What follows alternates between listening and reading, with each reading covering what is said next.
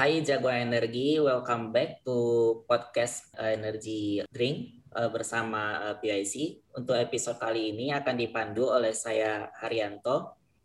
Dan uh, pada kesempatan kali ini kita akan membahas uh, topik yang uh, sangat menarik ya atau uh, ya bisa dibilang cukup uh, tren uh, belakangan ini di mana uh, Indonesia ini sudah mulai uh, berusaha meningkatkan bauran uh, energi baru dan terbarukan atau EBT.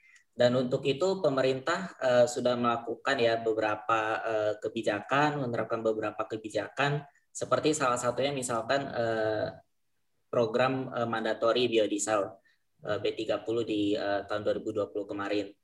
Dan uh, yang mungkin yang tidak kalah menarik sebetulnya adalah uh, berbicara kaitannya dengan energi ini, bioenergi sendiri uh, sebetulnya selain uh, biodiesel sendiri, itu juga ada uh, sumber energi lain yaitu biogas yang mungkin para jago energi ini juga sudah pernah dengar dan akan kita diskusikan lebih lanjut di sesi podcast kali ini.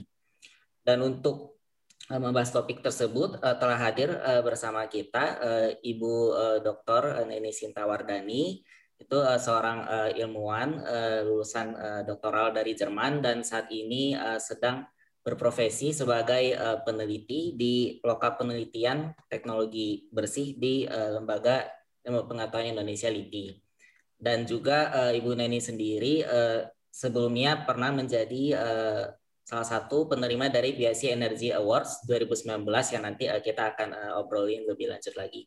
So uh, terima kasih banyak uh, Bu Neni uh, sudah memenuhi undangan kami untuk hadir di podcast uh, hari ini.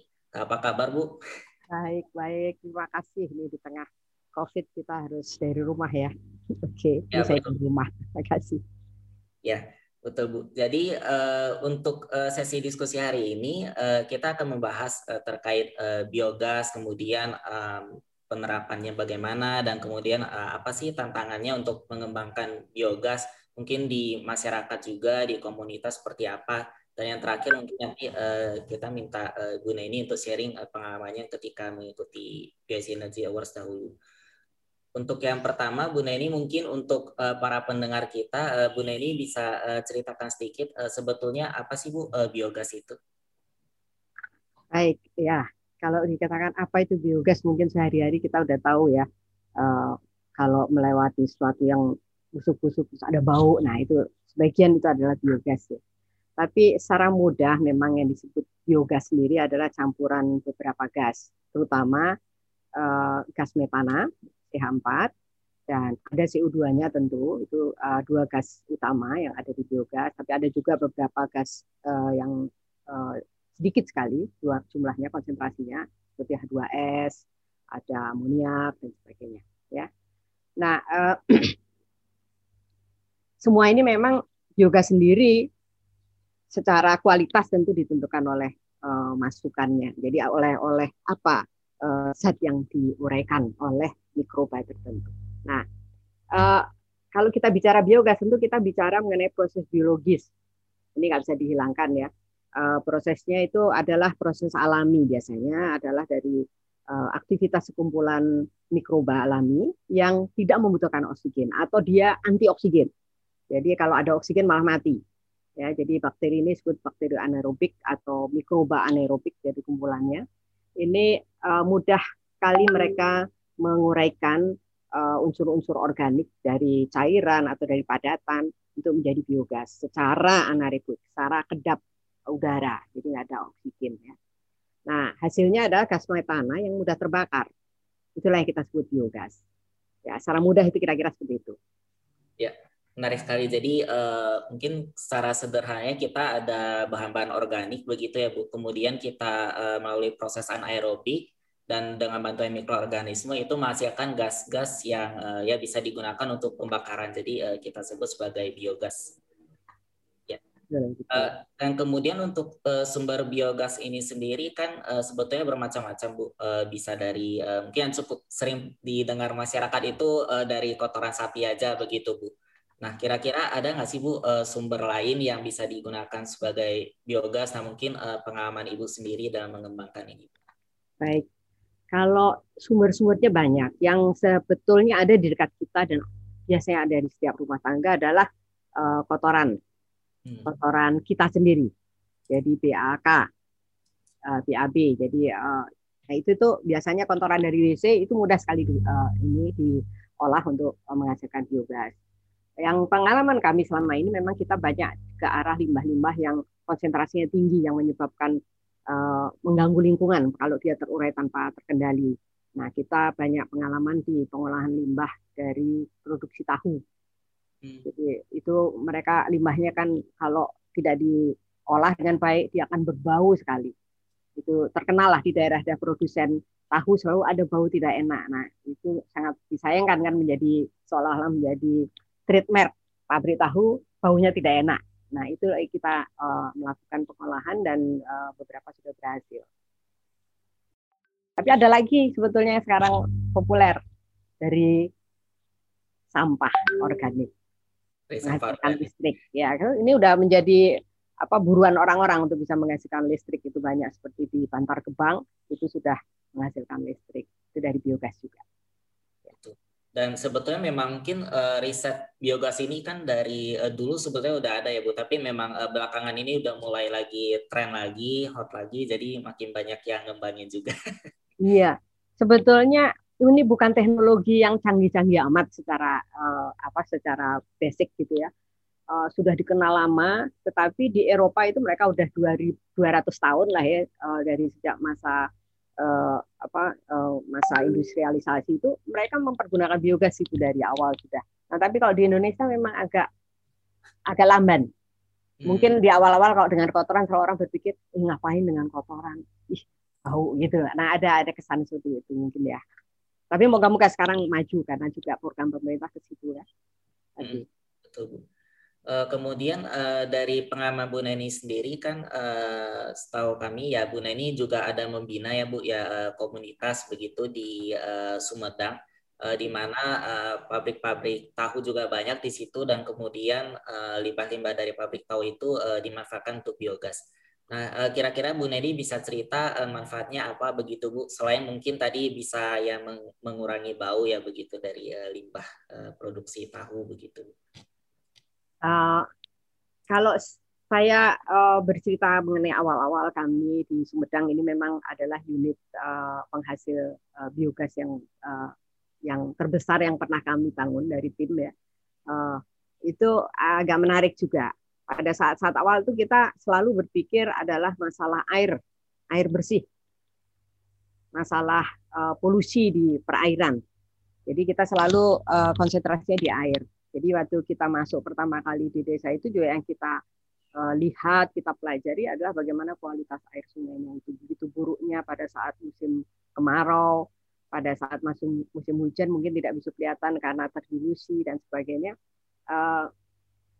Dan kita lihat sini bagaimana produksi itu berlangsung 24 jam. Nah, eh, dari situ kita berpikir bagaimana caranya agar sungai yang mengalir sampai ke hilir ini tidak terkontaminasi dengan limbah-limbah dari pabrik tahu. Itulah dasar awal kami, bagaimana ini mengolahnya. Nah, kemudian memakai teknologi yang kita kembangkan, teknologi anaerobik itu kita kembangkanlah eh, dan kita eh, desain, rancang, dan kita implementasikan.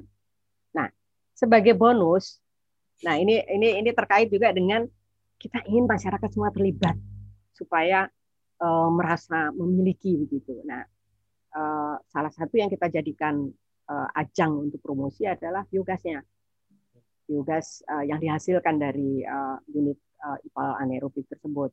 Nah, itulah yang kami ini kan ke masyarakat. Kalau ada uh, biogas, maka akan ada produksi biogas dan produksi biogas itu bisa dipakai untuk memasak harian bagi rumah tangga-rumah tangga. Nah, itu yang kami lakukan di sana sehingga uh, masyarakat juga semua ikut serta. Itu pengalaman kami di uh, Sumedang itu.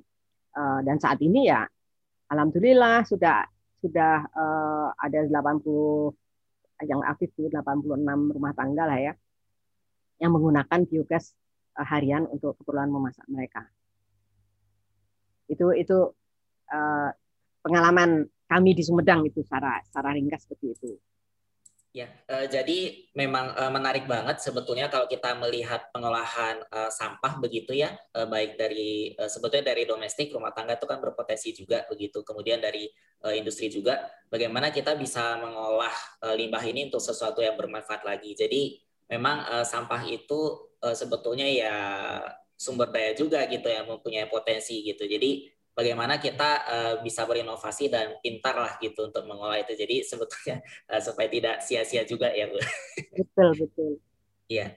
Jadi uh, memang uh, kalau dari uh, pengalaman Bu Neni ini kita sudah bisa melihat bahwa memang uh, ya untuk pengembangan biogas sendiri ini bisa nge-solve salah satu problem yang ada di masyarakat tadi yaitu uh, bisa menghilangkan uh, bau gitu ya. Konteksnya memang misalkan di uh, sampah dari uh, limbah dari industri uh, tahu dan kemudian sebetulnya sangat bermanfaat karena bisa menjadi uh, bahan bakar juga yang digunakan untuk uh, masyarakat ya Bu. Ya. Kira-kira uh, ada gambaran nggak sih Bu? Karena biogas ini jadi hemat berapa gitu? Mungkin biasanya mesti uh, ya beli gas atau gimana? Ya, gitu. ya kita kita juga melakukan studi dalam arti rata-rata uh, berapa sih uh, masyarakat atau rumah tangga di desa itu uh, mengkonsumsi energi, menghabiskan uang untuk mendapatkan energi. Nah, kita lihat dari survei itu ternyata masyarakat karena dekat sekali dengan kota, mereka harian itu mempergunakan LPG. Hmm. LPG yang uh, melon yang, nah, yang hijau 3 kilogram, ya 3 kilogram. Nah, dari studi kami ternyata konsumsi energi mereka cukup tinggi. Rata-rata itu tiga tabung per bulan. Uh, ya memang ada yang mempergunakan satu tabung, tapi rata-rata itu 2 sampai 3 tabung bahkan ada yang lebih. Nah, dari situ kita bisa uh, kemudian kami berembuk dengan masyarakat. Karena uh, biogas ini dalam arti tidak kita hargai kan. Tetapi kita membutuhkan masyarakat yang mengelola itu kan membutuhkan juga biaya operasi untuk listrik, untuk kompresornya dan sebagainya. Nah, dari situ kita bisa melihat bahwa oke okay, dengan dengan membayar 20.000 aja per bulan itu mereka sudah bisa mendapatkan pasokan biogas uh, untuk memasak mereka dua kali memasak pagi dan sore. Memang karena sistemnya kita masih belum bisa sepanjang hari ya karena sistem apa uh, collecting gasnya masih kurang besar. Nah dari situ bisa kita bayangkan atau bisa kita hitung berapa mereka menghemat. Jadi kalau tiga tabung 25.000 sekarang harganya naik benar-benar ya itu yeah. berarti mereka 75 ribu per bulan. Karena kalau mereka bayar 20 ribu, berarti kan mereka masih bisa saving 50 ribu. Nah, yeah. 50 ribu ini kalau ditabung, itu harusnya sudah bisa memberikan dampak yang lebih positif ke kesejahteraan mereka. Itu yang yang kami lakukan dan hitungan kasar kami lah. Hmm, betul betul. Jadi memang uh, benefitnya dari biogas ini selain ke lingkungan juga tentu uh, memang ada uh, aspek uh, sosioekonominya juga begitu. Jadi untuk masyarakat sendiri bisa uh, ya bisa dibilang dengan memanfaatkan biogas jadi uh, ya lebih sejahtera gitu ya karena budget untuk bahan bakarnya bisa digunakan untuk keperluan lainnya begitu. Ya, ya. Dan kemudian Bu mungkin uh, berbicara biogas ini kan uh, mungkin nanti para pendengar bertanya juga nih oh kayaknya kok uh, positif sekali gitu. Nah, kira-kira ada nggak sih dampak negatifnya sendiri gitu? Mungkin dari uh, perspektif lainnya gitu, kekurangan dari misalkan menggunakan biogas begitu. Ah, dampak negatifnya yang satu yang ya, kita ketahui adalah satu bahwa unit IPAL itu sendiri memakan uh, area tertentu, yaitu area itu tadinya adalah area persawahan. Jadi uh, itu terkurangi tentu ya tapi untuk satu yang uh, bermanfaat. Satu itu. Yang kedua, kalau dibilang dampak negatif adalah keinginan masyarakat besar sekali untuk bisa mendapatkan uh, pelayanan biogas seperti LPG, seperti gas kota yang mereka bisa ini setiap saat. Nah, uh, sayangnya hal itu tidak bisa sejalan kalau saat ini kita tidak bisa menambah jumlah pemakai biogas karena jumlah limbah yang masuk ya segitu-segitu saja. Bahkan saat ini masyarakat mulai mengeluh karena produksi biogas menurun. Nah, kami coba uh, tanya dan kita coba pelajari ternyata menurun karena produsennya produsen bio uh, apa tahu sendiri mengurangi produksi karena COVID nggak tahu bagaimana mereka mengurangi produksi. Kami juga prihatin dengan kondisi seperti ini. Kalau masukannya berkurang, tentu hasil biogasnya akan berkurang. Nah, hal seperti ini bagi masyarakat pengguna biogas um, nggak bisa dimaklumi. Mereka inginnya itu tersedia. Nah, tantangan seperti itu menarik sekali. Uh, justru malah siapa tahu dari tim peneliti di PYC bisa ikut mempelajari ini. Saya pikir ini topik yang sangat menarik. Kami ingin pelajari me, me, lebih lanjut, tapi belum punya tim yang cukup untuk itu. Tapi kami melihat itulah tantangannya di lapangan seperti itu. Uh, jadi memang kalau dari pandangan sendiri itu uh, yang pertama pastinya dari uh, istilahnya mungkin feedstocknya ya. Jadi uh, supply ya bahan bakunya untuk uh, memproduksi uh, biogas ini. Dan memang betul sih karena di pandemi ini mungkin uh, demandnya untuk uh, ya mungkin konsumsi tahu berkurang, jadi memang uh, pabrik mengurangi ini ya bu produksinya jadinya ya memang limbahnya berkurang gitu. Ya, inginnya sih pabriknya harusnya semua membesar ya, tapi kan uh, ekonomi masyarakat kan terdampak. Betul bu. Uh, kalau uh, tantangan lain lainnya lagi ada nggak bu kira-kira? Maksudnya dari selain uh, mungkin supply gas yang nggak bisa selalu kontinu ya bu, begitu ada jam-jamnya begitu. Ada lagi nggak tantangan? Tantangan itu tadi selain biogas terkait itu dengan masyarakat langsung, tantangan yang lain yang terutama dari awal sangat kami pikirkan adalah bagaimana menjaga agar uh, keberadaan uh, unit biogas plant ini bisa sustain, bisa terjaga keberlanjutannya. Nah, itu yang dari awal kami uh, coba identifikasi dan kami coba berbagai uh, hal agar bisa mendukung. Ya, salah satu yang kami pikirkan adalah apakah masyarakat nantinya mau mengelola sendiri. Itu yang nomor satu. Karena kami kan tidak akan berada di sana. Banyak sekali dari yang kami pelajari proyek-proyek uh, implementasi biogas yang ada, itu berjalan pada saat proyek itu masih berlangsung, begitu proyek itu tidak berlangsung ditinggalkan proyek itu juga berhenti. Uh, alat biogas itu tidak dipergunakan lagi. Nah kami bertekad itu tidak terjadi. Nah dari situ uh, kita inginkan biogas plant ini menjadi satu kesatuan dengan kehidupan mereka menjadi bagian integral dari masyarakat jadi mereka merasa membutuhkan sekaligus merasa harus uh, uh, apa memelihara gitu nah di sini satu yang kami pergunakan dalam tanda kutip adalah adanya kerisauan waktu awal-awal dari masyarakat, terutama dari para pengrajin karena ada protes dari masyarakat di hilir.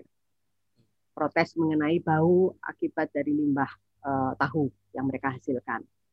Mereka bilang kami nggak enak dong dicap sebagai pengotor. Nah, nah di situlah kita mulai masuk, mulai masuk kepada uh, para pengrajin, dan juga beberapa tokoh masyarakat yang tidak mau desanya dicap sebagai desa pengotor. Hmm. Padahal di hulu banyak, di sedikit satu kilometer di atas mereka, di hulunya mereka itu juga banyak ada sebuah uh, kelompok pengrajin juga. Nah, akhirnya ya kita lakukan pendekatan dan juga diskusi lama mengenai konsep kami, apa itu pengolahan uh, limbah, kemudian apa itu menjadi biogas dan sebagainya. Mereka mendukung jadi ini kan bisa menyelesaikan permasalahan air limbah yang kotor ya Bu, kata waktu itu gitu. Iya, insya Allah bisa mengurangi. Nah sehingga pada saat dibuang dia ke badan sungai itu lebih aman dibanding kondisi saat ini yang tidak terolah. Nah dari situlah eh, kami mendapatkan satu uh, istilahnya kesatuan masyarakat yang kemungkinan bisa mendukung kami. Nah kebetulan uh, mereka ini juga membentuk paguyuban akhirnya. Nah, itulah yang menjadi mitra kita sampai saat ini dan saat ini sudah kami serahkan kepada masyarakat ternyata mereka berjalan. Jadi ada uh, unit pengelolanya di bawah paguyuban itu yang dimotori juga oleh anak muda pengrajin tahu juga. Dia menjadi teknisi, engineer, menjadi segalanya ini bukan main nih. Nah, di situlah kami e, merasa sangat-sangat bangga bahwa masyarakat akhirnya merasa memiliki unit itu. Itu yang yang kami alami di desa di Sumedang. Jadi e, tantangan sendiri memang selain dari feedstock tadi yang uh, ya kadang maksudnya tidak konsisten gitu ya kemudian juga uh, pernah juga mengalami uh, istilahnya penolakan ya Bu dari uh, masyarakatnya. Di ya. Terimaannya. Ya, uh, kalau penolakan dari masyarakat sih waktu awal tidak ada dari dari, dari awal tuh mereka sudah wah kalau ini bisa menyelesaikan permasalahan kita oh, bukan main nih gitu dan mereka nggak keluar spesial pun uang kan karena kebetulan kami mendapatkan pendanaan dari uh, apa research grant dari NTU Singapura. Nah ini juga ya, terima kasih sekali tuh Singapura bisa memberikan uh, dana yang bukan main sehingga berdiri itu yang dan juga uh, mungkin challenge-nya itu uh, di ini ya Bu. Jadi bagaimana membentuk suatu komunitas buat memaintain uh, ya reaktor ini gitu supaya tetap sustain ya Bu dan uh, berjalan terus gitu. Iya. Jadi mereka lah yang memang merasa berkepentingan, mereka sendiri yang jalan. Nah itu kan berarti uh, ya itu sudah menjadi milik mereka, institutionalized lah ke dalam mereka gitu. Betul, betul.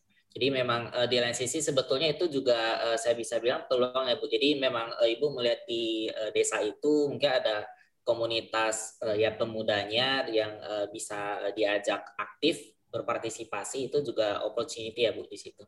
Betul dan uh, itu nggak gampang ternyata menemukannya dari pengalaman kami. Jadi kita untuk satu kita sudah menemukan oke okay, ada paguyuban yang dibentuk merasa berkepentingan kemudian tapi kemudian mengidentifikasi siapa yang bisa itu cukup lama kami secara kebetulan akhirnya kami walaupun sudah kenal lama orangnya tapi kami nggak tahu bahwa dia punya kemampuan itu pada saat tertentu kita ngobrol akhirnya tahu akhirnya sekarang e, ibaratnya kami bisa berlega hati gitu karena ada dua tokoh satu anak muda pengusaha juga itu yang bertindak sebagai engineer sekaligus pimpinan lah di, di unit IPAL. Yang kedua ada ibu-ibu juga yang uh, masih agak uh, muda juga, pengusaha tahu juga. Ini satu-satunya ibu-ibu yang jadi pengusaha tahu. Nah dialah yang mendekati masyarakat, bayar, ayo bayar, iuran. Nah itu mereka udah ada. Itu, itu bukan main itu. Betul, betul. Jadi ya. memang uh, ya approach-nya kita juga uh, ya bisa kira-kira mungkin uh, mengidentifikasi figur-figur yang punya influence ya Bu begitu dan kemudian hmm. ya mendekatnya begitu karena kalau kalau langsung biasanya uh, berat juga sulit sulit ya ya uh, kemudian Bu uh, mungkin uh, yang menariknya lagi kira-kira uh, untuk uh, ini Bu pengembangan biogas sendiri uh, di komunitas yang Ibu bina kira-kira tuh uh, bentuk dukungan seperti apa sih Bu yang diharapkan begitu supaya bisa terus develop gitu Ya, se seperti yang sudah saya sebutkan tadi, dukungan terbesar adalah dari si masyarakat itu sendiri yang merasa berkepentingan ya. Dari kegalauan mereka, mereka akhirnya mau mendukung membentuk institusi yaitu paguyuban itu itu uh, itu dimotori oleh kelompok pertama adalah uh, para pengrajin sendiri. Ya, pengrajin itu sangat penting tentu karena mereka yang menghasilkan kotoran.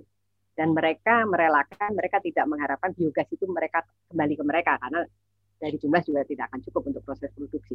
Tapi bahwa e, limbah cair yang kotor dari mereka itu diolah menjadi yang lebih e, bersih itu mereka sudah sangat bersyukur mereka yang mendukung nah kelompok kedua yang kami e, lihat juga sangat mendukung adalah tokoh masyarakat ada beberapa tokoh masyarakat di situ e, orang tua saya sesepuh-sesepuh lah di situ, itu yang menjadi motor juga. Ayo, ini kita harus berubah desa kita jangan sampai cap sebagai desa uh, pengotor.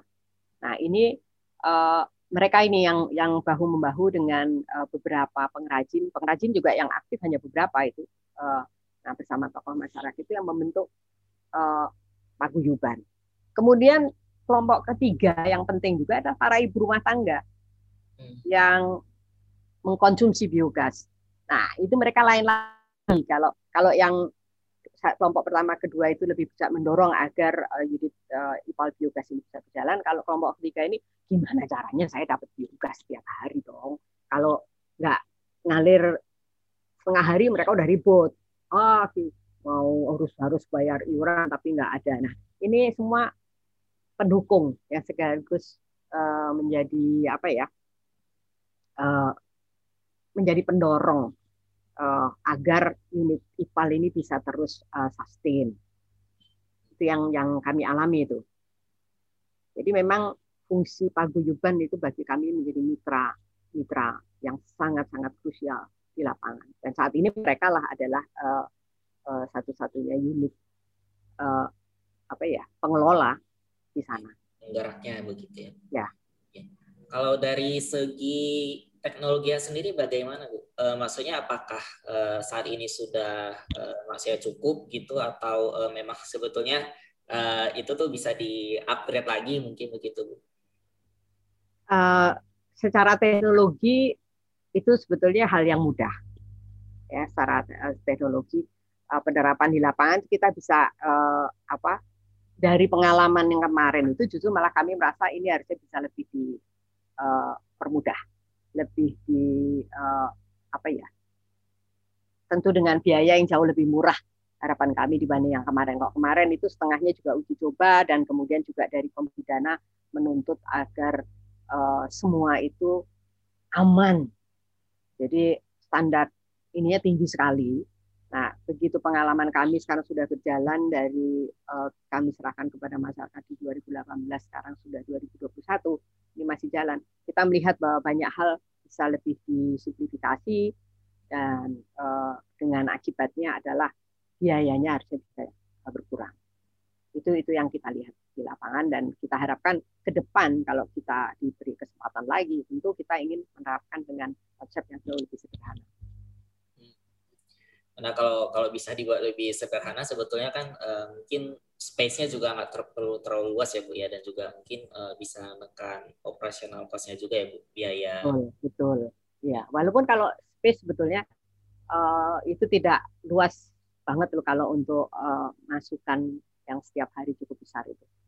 Ya. Uh, mungkin ke depannya Bu kira-kira ada rencana nggak sih Bu uh, mungkin mengembangkan uh, proyek seperti ini karena ini kan uh, sebetulnya proyek yang sangat bagus ya bisa saya bilang sebagai uh, semacam ya pilot project begitu Bu.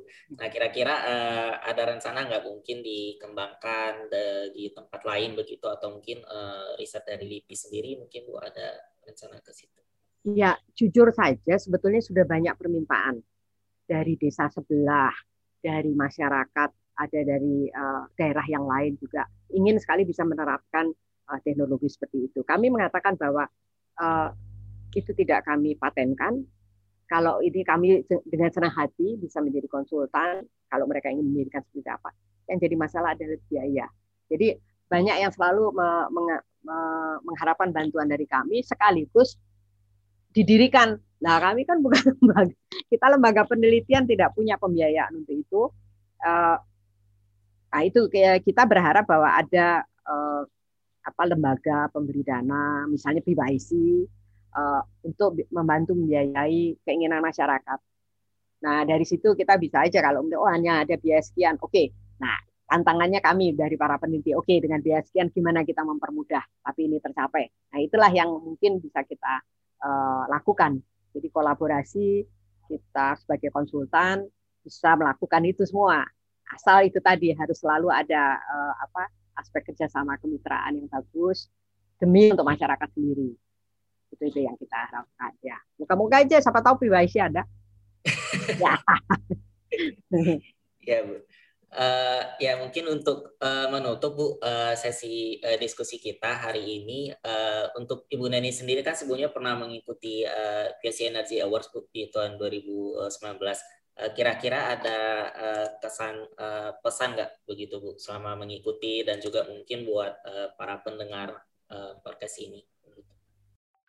Ya, uh, merupakan suatu kehormatan ya bagi saya dan tim terutama uh, sebagai penerima award uh, tahun 2019 yang lalu. Itu sangat berarti buat kami um, dan juga sangat berarti bagi masyarakat Desa Giri Harja sendiri. Ya, jadi uh, kami sampai sekarang memang belum bisa mewujudkan rencana kami secara utuh sebagai tidak lanjut dari pemberian award tersebut. Ya, kita sudah cobakan ke masyarakat bermitra dengan uh, apa pengelola di desa ternyata tidak mudah untuk jangka panjangnya. Kami memang masih mencoba beberapa alternatif. Tapi sekali lagi kami mengucapkan terima kasih betul-betul itu suatu award yang uh, memberikan dampak cukup luas kepada masyarakat. Mereka juga menjadi bangga. Mereka ikut bangga loh, karena itu award bagi mereka juga. Jadi mereka sangat bangga dengan itu dan uh, kita berharap bisa lebih mengembangkan lah nanti. Ya, itu seperti itu. Jadi uh, mungkin buat para pendengar uh, podcast ini juga uh, kalau ada yang uh, mempunyai uh, mungkin inisiatif atau juga program-program uh, yang terkait dengan energi juga uh, bisa mengikuti juga uh, Energy Award ini uh, ke depannya. Yes, harus para peneliti itu terutama. ya karena uh, memang uh, sebetulnya dengan pemberian award itu kan juga meningkatkan uh, exposure juga ya. Jadi semakin banyak orang yang tahu juga uh, itu juga semakin bagus dan juga kita nggak pernah tahu juga mungkin uh, Bu Neni juga bisa uh, dapat uh, grant juga nih mungkin dari mana. Siapa tahu. Ya, ya. tahu atau mungkin dari government mungkin atau uh, ya pemerintah lokal kalau mungkin misalkan mereka ada uh, program untuk uh, ya nge-solve problem limbah begitu Bu atau pengembangan biogas kan sebetulnya bisa ya Bu ya. Dan itu sangat bisa. Ada kita juga sangat berharap uh, ada program-program yang bisa direalisasikan oleh oleh Pemda setempat. Ini ini sangat penting bagi mereka juga sebetulnya ya. Kami uh, uh, apa sangat terbuka untuk bekerja sama lebih lanjut. Juga dengan PYC sendiri tim penelitinya ingat kemarin ingin mempelajari uh, teknik ekonominya silahkan terbuka. Ya uh, didiskusikan lagi kita jajaki lagi karena pandemi ini udah udah cepat gitu ya udah lewat aja setahun uh, terakhir uh, ya PYC sendiri berkunjung 2020 awal ya betul betul untung masih belum ini ya Maret kan udah ditutup gitu Oh iya benar ya. Kalau nggak udah nggak nggak Ya ada betul betul. ya. Uh, ya baik uh, Bu Neni. Jadi uh, terima kasih banyak Bu atas uh, sharingnya uh, singkat hari ini. Tapi ya padat jelas dan uh, saya kira sangat ya bermanfaat juga sih untuk uh, para pendengar dan mungkin juga uh, bisa menjadi inspirasi juga mungkin buat uh, peneliti juga uh, di luar sana yang mendengar atau uh, ya bisa mengembangkan juga di daerahnya masing-masing begitu. Jadi ini memang uh, ide yang sangat luar biasa dan makanya juga kita uh, waktu itu dari PSI memberikan award juga begitu karena memang uh, dampaknya real juga untuk masyarakat gitu dan uh, harapannya semoga ke depannya bisa uh, ya dikembangkan lagi begitu dan uh, ya supaya lebih bermanfaat bagi semakin banyak Terima orang. kasih banyak Mas Haryanto. Salam juga untuk Ibu Filda. Terima kasih untuk acara yang hebat ini.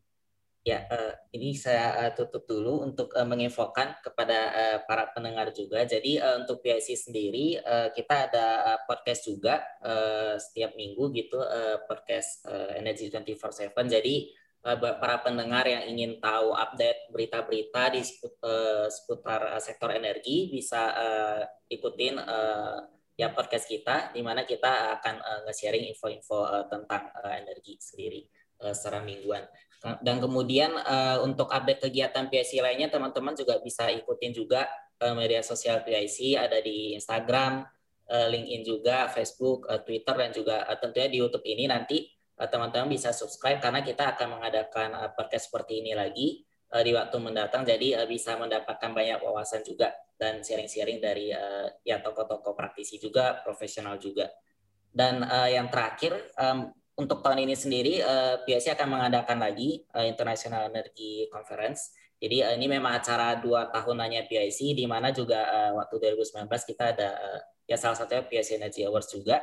Dan tema tahun ini kita mengusung tema Enhancement of Energy Security for a Sustainable Future. Jadi kita akan uh, menghadirkan uh, pembicara juga dari uh, ya government ada, non government juga, uh, profesional, akademisi. Jadi uh, supaya kita bisa belajar bersama dan diskusi kira-kira apa sih gitu uh, yang diperlukan untuk meningkatkan ketahanan energi uh, Indonesia sendiri untuk uh, masa depan yang uh, ya lebih sustainable berkelanjutan.